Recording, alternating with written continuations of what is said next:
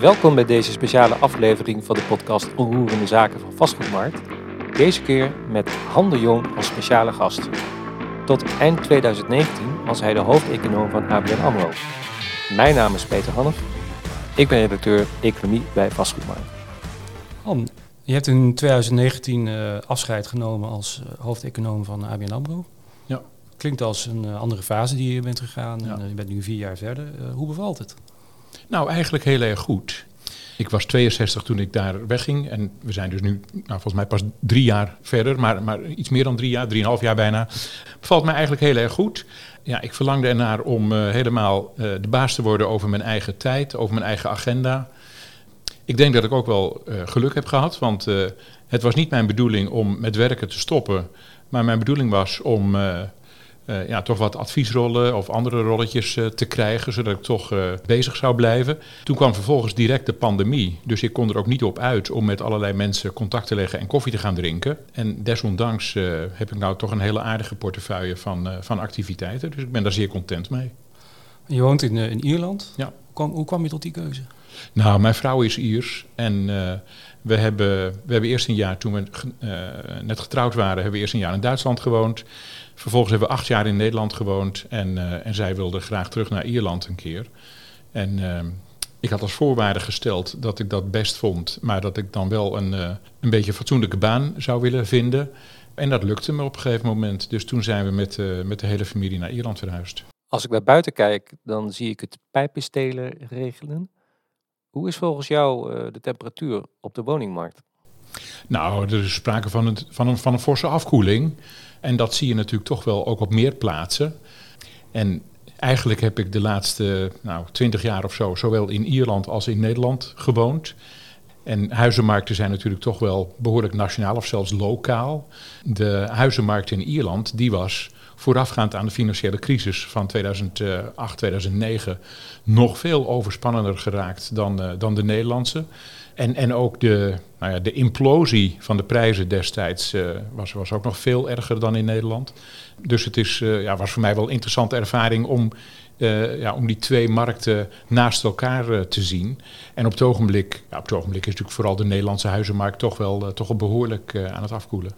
En als je dat dan in internationaal perspectief plaatst, gaat de Nederlandse woningmarkt dan harder onderuit? Zie je bepaalde kenmerken die echt voor Nederland gelden? Wat, wat neem je waar? Nou, er zijn, wel, er zijn best wel markten waar het harder onderuit gaat. En denk bijvoorbeeld aan Zweden of zo.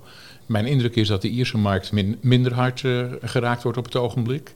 Waardoor die verschillen nou precies komen, vind ik, vind ik lastig, lastig aan te geven wat je eigenlijk in alle landen van de eurozone hebt, is dat de rente heel fors gestegen is. Nou was de hypotheekrente in Nederland, als ik dat vergelijk met Ierland, was de hypotheekrente veel lager dan die in Ierland was. En dan is natuurlijk een, een, ja, de stijging is in Nederland er ook weer groter geweest dan, dan dat in Ierland was. Dus misschien dat dat soort verschillen ook nog wel een rol spelen. Maar het gaat natuurlijk uh, toch wel vrij snel naar beneden. Wanneer is die uitgewerkt, die rentestijging, op de koopwoningmarkt? Ja, dat is heel moeilijk te zeggen het hangt er natuurlijk ook vanaf wat er uiteindelijk met de rente gaat gebeuren. Dat hangt ook weer af van uh, hoe hardnekkig de inflatie zal blijken te zijn. Dus dat zijn allemaal erg onzekere factoren. Maar over het algemeen wordt natuurlijk door economen gedacht dat een uh, rentestijging, dat het wel twee jaar duurt voordat die volledig in de economie ver, verwerkt is. Nou, als je dan eens zegt dat de rentestijging uh, ruim een jaar geleden begon eigenlijk. Uh, als ik naar de kapitaalmarktrente kijk, dan kun je zeggen dat die begin 2022 begon met stijgen. Um, nou ja, nou zijn we bijna anderhalf jaar verder, maar hij is natuurlijk in de loop van, het, van 2022 ook, uh, ook doorgestegen. Dus ik denk niet dat we alle effecten daarvan al gezien hebben. Nee, want dan raak je eigenlijk aan een ander onderwerp. En dat is wanneer de centrale banken klaar zijn met, uh, met renteverhogen. Ja. Zie je daar nog een soort van uh, ja, moment opdoemen dat ze zeggen van nou, nu is het wel ongeveer uh, mooi geweest? Nou ja, het probleem voor centrale bankiers is natuurlijk dat die, uh, die weten ook dat hun beleid met grote vertraging werkt. Dus die kunnen eigenlijk niet naar de economische cijfertjes van de afgelopen maand gaan kijken. Eigenlijk moeten ze hun beleid richten op wat ze voorspellen voor over een jaar of zo. Uh, nou, dat kan wel, maar dat is natuurlijk onzeker, want die, uh, de trefzekerheid van hun eigen voorspelling is natuurlijk ook niet 100%. Dus dat maakt het voor die centrale bankiers eigenlijk heel erg lastig. En wat je historisch ziet is dat ze over het algemeen toch achteraf gezien vaak iets te lang doorgaan met renteverhogingen, waardoor ze een economie, ja, het zij in een recessie duwen of het zij in een onnodig diepe recessie duwen. Aan, aan de andere kant hebben we natuurlijk de afgelopen jaren te maken gekregen met uh, nou, toch wel een verrassend uh, uh, snel gestegen inflatie. nou, dat hebben, we, dat hebben we decennia lang niet gezien. Um, dus dat maakt de boel ook onzeker. Hè, van hoeveel afkoeling van de economie, hoeveel rentes, of eigenlijk hoeveel afkoeling van de economie is nodig om de inflatie weer onder controle te brengen. En als je dat dan hebt vastgesteld, ja, hoeveel rentestijging is nodig om de gewenste afkoeling te bewerkstelligen? Dat, uh, daar zitten allemaal onzekere schakels in. Dus het is echt, ik heb wel eens kritiek op de, vooral op de ECB eigenlijk. Maar in, in zijn algemene zin, ik heb wel eens kritiek op uh, centrale bankiers. Uh, maar ik moet wel toegeven dat hun taak lastig is. Nou heb jij het voordeel dat je mag terugkijken. Ja. En de monetaire autoriteiten die moeten vooruitkijken. Ja. Als je nou uh, terugkijkt naar, naar de, het monetaire beleid, er is ook kritiek geweest. het zou te ruim zijn geweest. er waren waarschuwingen voor flinke inflatie. En op een bepaald moment kwam die er. Maar toen had het allemaal te maken met de, de uitgestelde vraag uit de coronacrisis. En het had te maken met de verstoorde toevoerketens. Ja. En ik hoorde eigenlijk niet zo heel vaak zeggen van ja, maar dat heeft ook toch wel ietsje te maken met, met het uh, quantitative easing en de extreem lage rente. Hoe, hoe, zit jij daar ergens in die discussie? Nou, um, eigenlijk is dat wat we dan noemen het onconventionele monetaire beleid, dus het opkopen van obligaties, et cetera, en de rente op nul of nog lager. Dat is natuurlijk eigenlijk al begonnen bij de vorige financiële crisis in 2008, 2009. Toen riepen diverse economen dat we daar heel hoge inflatie van zouden krijgen. Nou, dat is toen niet gebeurd. Dit keer is het wel gebeurd. Ja, waarom? Nou ja, ik denk toch fundamenteel omdat vraag en aanbod behoorlijk uit balans is geraakt uh, in, de, in, in deze crisis, nou ja, waar we nu aan het uitkruipen zijn, of uh, die, die, uh, die begon met de pandemie. Ik moet zeggen dat die visie van centrale bankiers dat die inflatie tijdelijk zou zijn en dat dat, zoals jij zegt, uh, Peter, de, dat dat is veroorzaakt door eigenlijk de logistieke verstoring en dat soort zaken.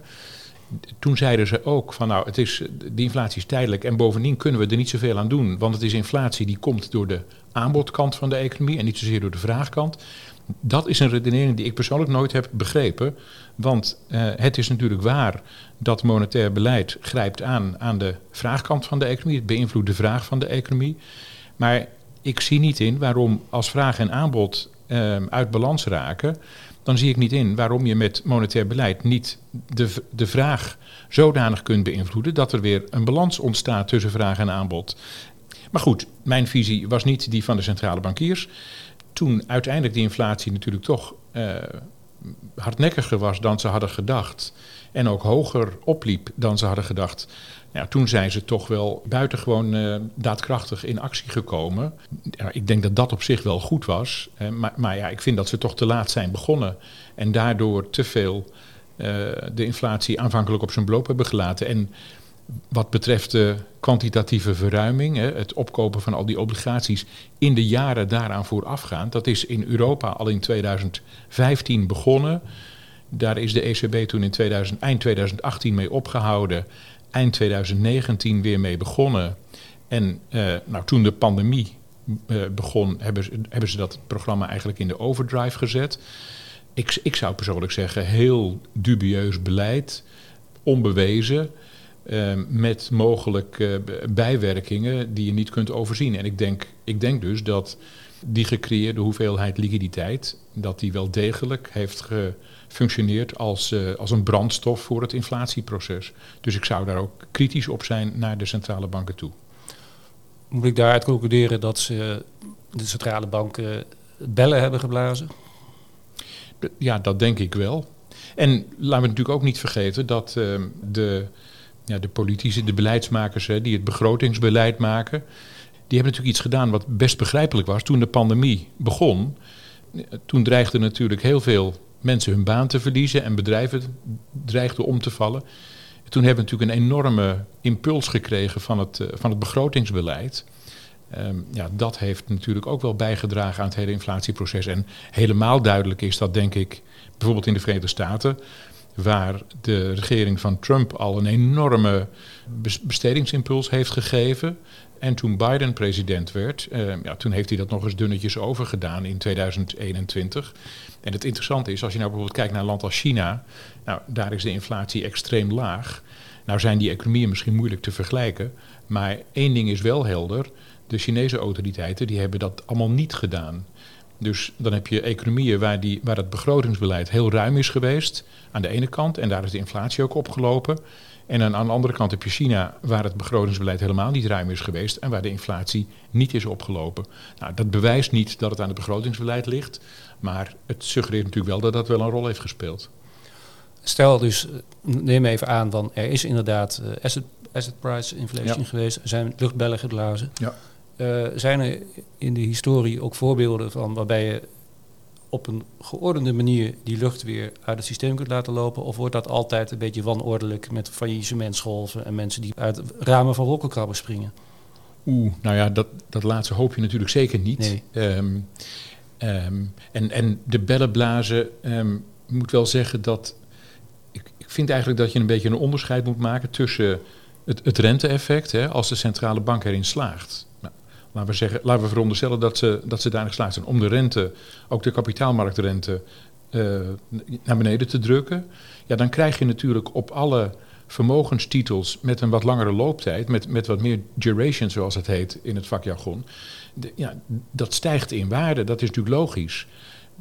Dat is één ding. Een, een ander ding is als er dan ook nog eens een keer in de markten een euforie ontstaat en uh, ook het, het waarderingsniveau, zelfs met die zelfs als je dus corrigeert voor die lagere rente, ehm, als dan het waarderingsniveau nog meer oploopt dan gerechtvaardigd zou zijn, alleen maar op basis van die lage rente, ja, dan, dat is pas de echte bubbel. Maar uiteindelijk is het natuurlijk toch zo dat uh, ja, als bubbels, ja, of eigenlijk vraag jij, hè, kun je bubbels uh, gecontroleerd la laten leeglopen? Uh, nou, over het algemeen lukt dat niet zo best. Meestal gebeuren er ongelukken. En wat zie je nu gebeuren dan op dat vlak? Nou ja, we hebben natuurlijk um, uh, toch wel een stukje financiële instabiliteit uh, uh, al gezien. En de vraag is of dat, of dat over is. Nou, dat, dat, dat gaan we vanzelf merken. Ja, ik zou zeggen, kijk eens, als je, als je eerst de rente heel erg lang zeer laag houdt, op nul of nog lager, daarmee moedig je natuurlijk schuldopbouw aan. Vervolgens komt de pandemie en dan ga je een enorme hoeveelheid liquiditeit, die had je daarvoor ook al gecreëerd, maar in die pandemie nog een extra hoeveelheid liquiditeit uh, uh, creëren. Dan krijg je inflatie en vervolgens ga je de rente in een recordtempo verhogen. Ja, dat is natuurlijk toch wel vragen om problemen in de financiële sector. Nou, die hebben we op sommige plekken gezien. Misschien kwetsbare plekken, misschien plekken waar sprake is geweest van mismanagement. Um, maar je zou, ik zou toch eigenlijk nog wel meer financiële instabiliteit verwachten. En wat je natuurlijk toch ook ziet, is dat um, nou ja, je had het al eerder over de huizenmarkt. Ja, de huizenmarkt is nou typisch zo'n zo'n markt die natuurlijk heel gevoelig is voor de rente. Dus ja, daar, daar dalen de prijzen en dat kun je natuurlijk zomaar, dat zou je natuurlijk ook zomaar op andere vermogensmarkten uh, kunnen krijgen. We hadden laatst nog een discussie over uh, wat nou precies het, het effect is van die rente. En toen zei ik ook van ja, er zijn heel veel partijen geweest die uh, juist vanwege die lage rente hun, hun, leningen voor 20 jaar zo vast hebben gezet. Dus ja in eerste instantie zou je verwachten, die gaat er niet zoveel last van hebben. In ieder geval voorlopig niet. Alleen staan dan wel die leningen ergens op de balans van een bank of een financiële instelling. Dan zou je zeggen dat daar dan de pijn komt te zitten. In ieder geval als ze tegen marktwaarde moeten worden gewaardeerd. Is het inderdaad het een of het ander? Ja, dat, dat denk ik eigenlijk wel. Ja, uiteindelijk heb je natuurlijk. Uiteindelijk is er een asset die. Um, ja, die, waarvan, de, waarvan de contante waarde eigenlijk daalt. En dan zal toch iemand, eh, moet die pijn nemen. En de, de banken van balansen zijn natuurlijk in dit verband interessant. En gelukkig is het zo dat uh, Europese banken, met misschien wel de Nederlandse banken voorop, dat die na de financiële crisis uh, van uh, nou, 14 jaar geleden, dat die hun kapitaalratio's heel fors hebben verhoogd, hun liquiditeitsratio's hebben, sterk hebben verhoogd. Dus, dus daar, zit wel, uh, daar zitten stevige buffers. In ieder geval veel, veel hogere buffers dan uh, 14 jaar geleden. Maar uh, ja, er gaat natuurlijk ergens pijn geleden worden. Je ziet het bijvoorbeeld ook bij de centrale banken.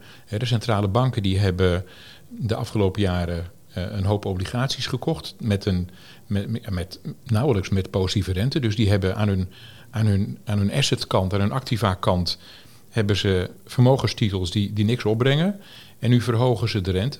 Ze hebben met al die acties hebben ze heel veel liquiditeit in het financieel systeem gebracht. Die liquiditeit die slaat per definitie en noodzakelijkerwijs neer bij de commerciële banken.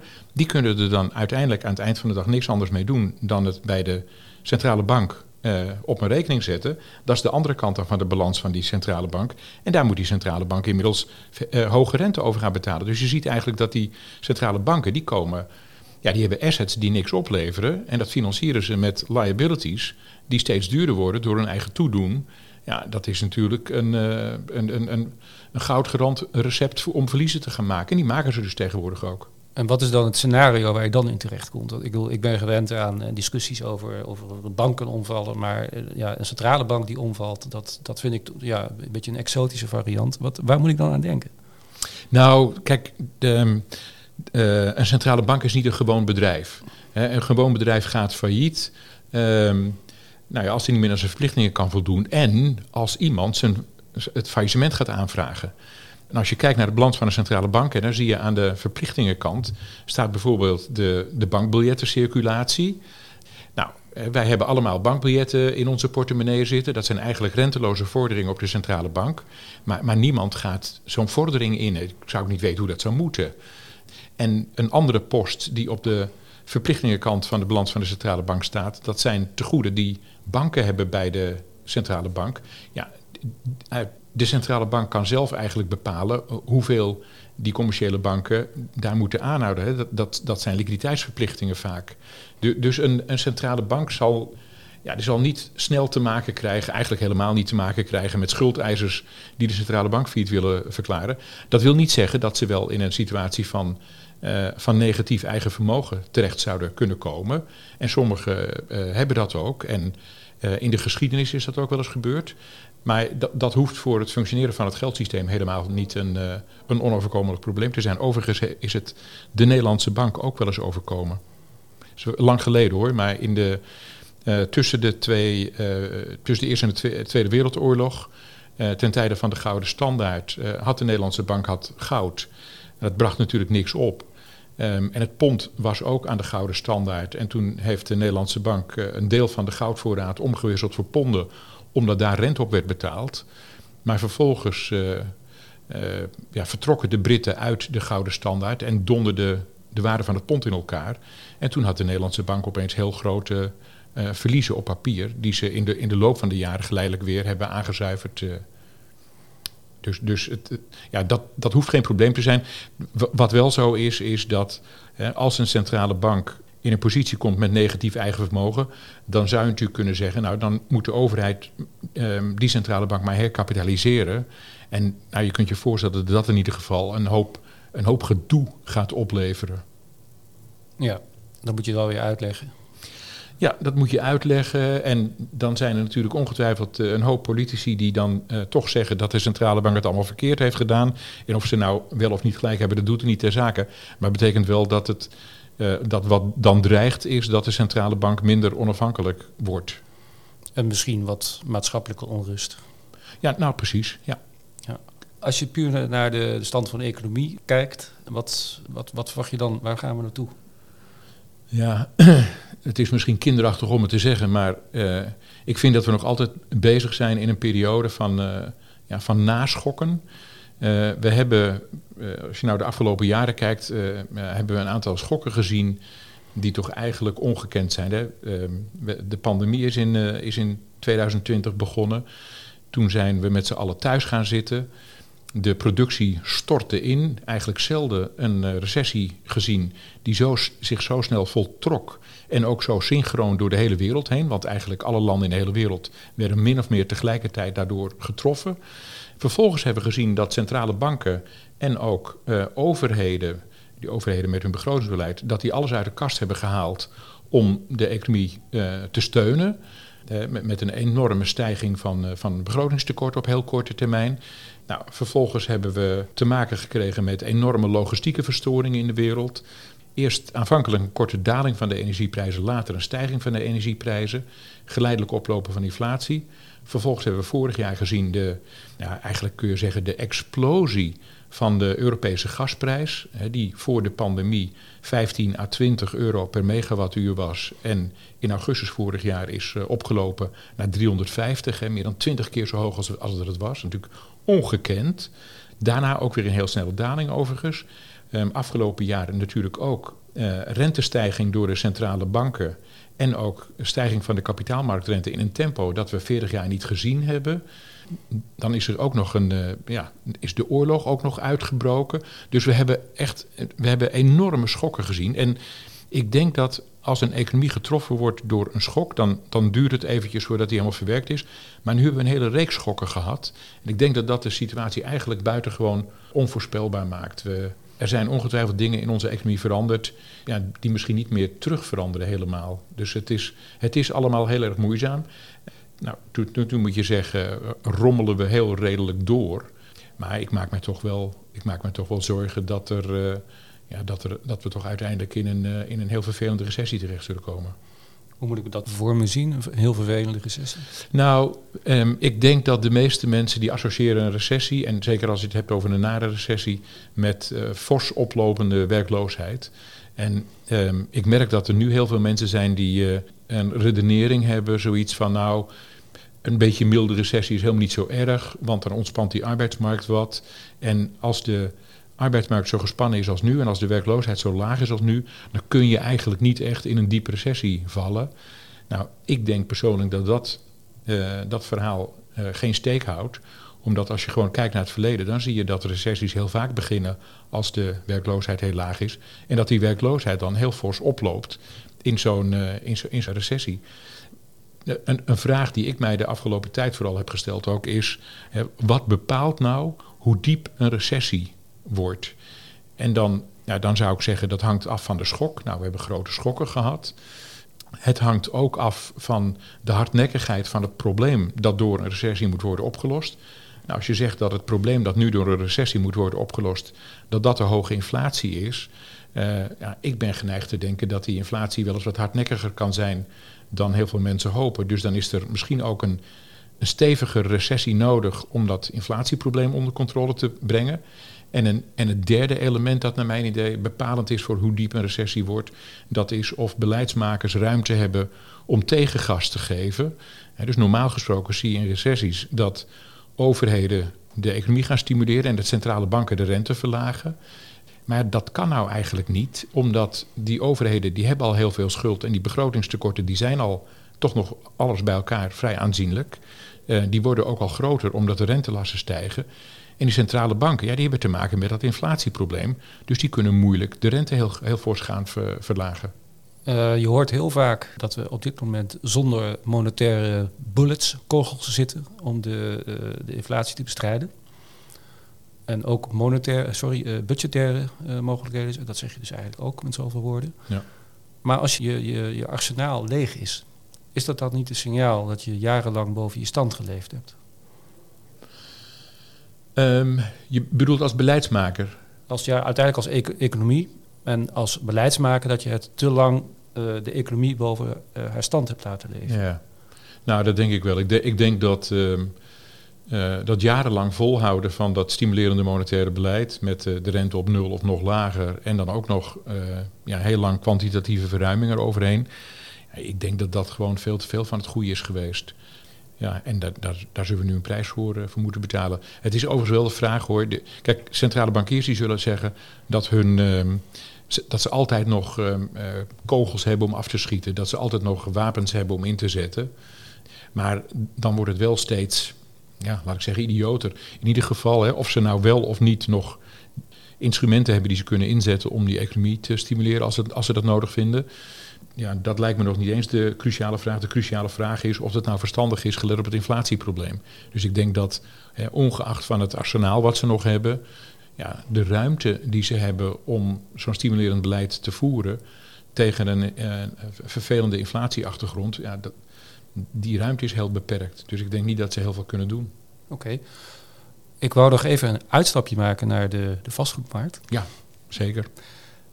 We hebben uh, nogal wat discussie voorbij zien komen over de, de middenhuurregeling. Een van de discussiepunten was uh, de vraag van of je meer uh, betaalbare huurwoningen dichterbij brengt voor mensen die een huurwoning zoeken. Door een plafond te zetten op de huren. Heb jij daar een visie op? J jawel, jawel. Maar ik moet zeggen dat ehm, ik ik heb een oudere zus, ik heb ook nog een jongere broer trouwens. Maar mijn oudere zus die is lang uh, wethouder geweest in een niet al te grote gemeente.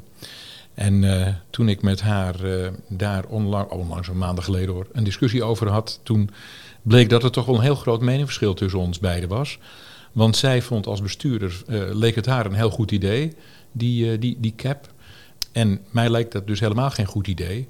Omdat, ja, oké, ik, ik, ik geloof in, uh, in de heilzame werking over het algemeen van, uh, van markten. Uh, natuurlijk niet onbeperkt en onder bepaalde voorwaarden, et cetera. maar het marktmechanisme nou, is over het algemeen, naar mijn idee, een zegen. Um, en als je ingrijpt in markten, hè, dat, dat kan soms noodzakelijk zijn en geheel gerechtvaardigd zijn. Maar in ieder geval ga je de marktwerking dan tegen. En ja, wat, de, wat de tekstboeken leren is, als je in de markt gaat ingrijpen door de maximumprijs vast te stellen, dat je, uh, en, en als die dus ligt uh, uh, beneden waar de onder normale omstandigheden vraag en aanbod op de markt in evenwicht zouden zijn, ja, dan, dan belemmer je daarmee het aanbod. En je moedigt eigenlijk de vraag aan. Dus ja, het is een recept voor, voor tekorten. Hoe komt het dan dat die, dat die evenwichtsprijs boven het niveau ligt uh, die kan betaald worden? Nou ja, dat, dat zou bijvoorbeeld kunnen liggen aan uh, allerlei eisen die worden gesteld aan, uh, aan, aan de bouw. dat kan liggen aan, aan de bouwkosten zelf, dat kan liggen aan grondkosten. Maar het kan natuurlijk ook liggen aan de inkomenspositie van, de, van potentiële kopers. Um, en dan, kun je dan zou je kunnen, kunnen denken aan dat uh, ja, dat veel mensen toch eigenlijk uh, te weinig verdienen, omdat we veel te lang ons hebben vastgehouden aan loonmatigingen in, matiging in ons land. Dat, dat, is, dat is een mogelijke verklaring. Een andere verklaring is dat um, van een bruto inkomen er uiteindelijk netto te weinig overblijft. Dus er is een, er is een heel scala aan, uh, aan mogelijke verklaringen daarvoor. Dus mensen zijn niet, niet zo rijk als wordt aangenomen? Ja, daar lijkt het op. En ik moet ook wel zeggen dat als je nou eens kijkt, hè, ik heb die getallen niet helemaal in mijn hoofd zitten, jij zal het beter weten dan ik, maar als je de totale woningvoorraad, um, welk gedeelte daarvan is sociaal? Is dat een kwart misschien? Zoiets? Nou, ik weet niet precies. Maar, maar als ik die getallen langs zie komen, en ik heb ze dus nu niet in mijn hoofd zitten, maar dan verbaas ik me er altijd over dat in een, in een rijk land als het onze, dat er kennelijk zoveel mensen toch afhankelijk zijn van voor wat betreft een, een, eh, een, essentiële eerste levensbehoefte, wonen, van, uh, ja, eigenlijk van, uh, ja, van steun of, of, of in ieder geval hè, van, van het sociale segment. Dat, ja, dat vind ik toch wel heel erg opmerkelijk. En, en eigenlijk vind ik dat een, ook een slechte zaak. Onder die omstandigheden vind je het haalbaar dat er tot en met 2030 900.000 woningen bijkomen? Nou, dat denk ik niet het lijkt mij dat uh, met dit soort zaken als het invoeren van een, van een price cap... en eigenlijk natuurlijk helemaal, hè, de huur is natuurlijk ook sowieso zwaar gereguleerd... Daar komt dan ook nog eens bij dat, nou ja, dat, dat, dat bouwvergunningen uh, moeilijk verleend worden door, door zaken als, uh, als stikstof. Daar krijgen we nou natuurlijk ook nog met de ingang van het nieuwe jaar de om, omgevingswet bij. Um, ja, ik begrijp, ik begrijp van, van mensen die voor gemeentes werken dat dat dat die vrezen dat ze dan het overzicht verliezen, waardoor het hele proces uh, nog moeizamer wordt. Ik begrijp ook dat heel veel buitenlandse beleggers dat die uh, op het ogenblik een pas op de plaats maken wat betreft de Nederlandse uh, woningmarkt. Dus het lijkt mij heel erg moeilijk om, om al die woningen die nodig zijn en die, en die we graag willen, om die gebouwd te krijgen. Als er drie knoppen waren waar je kon draaien om de woningmarkt, huur en koop, weer een beetje nou ja, zodanig te organiseren dat mensen kunnen wonen zonder een idioot hoog deel van hun inkomen eraan uit te geven. Wat zou je dan doen? Nou, ik zou bijvoorbeeld in de grote steden zou ik uh, heel zwaar inzetten op buitenstedelijk uh, bouwen. Ik, ja, ik zou die, die huurregulering toch het liefst laten vervallen. Ja, dat zijn eigenlijk denk ik de twee belangrijkste zaken die ik, die ik zou doen.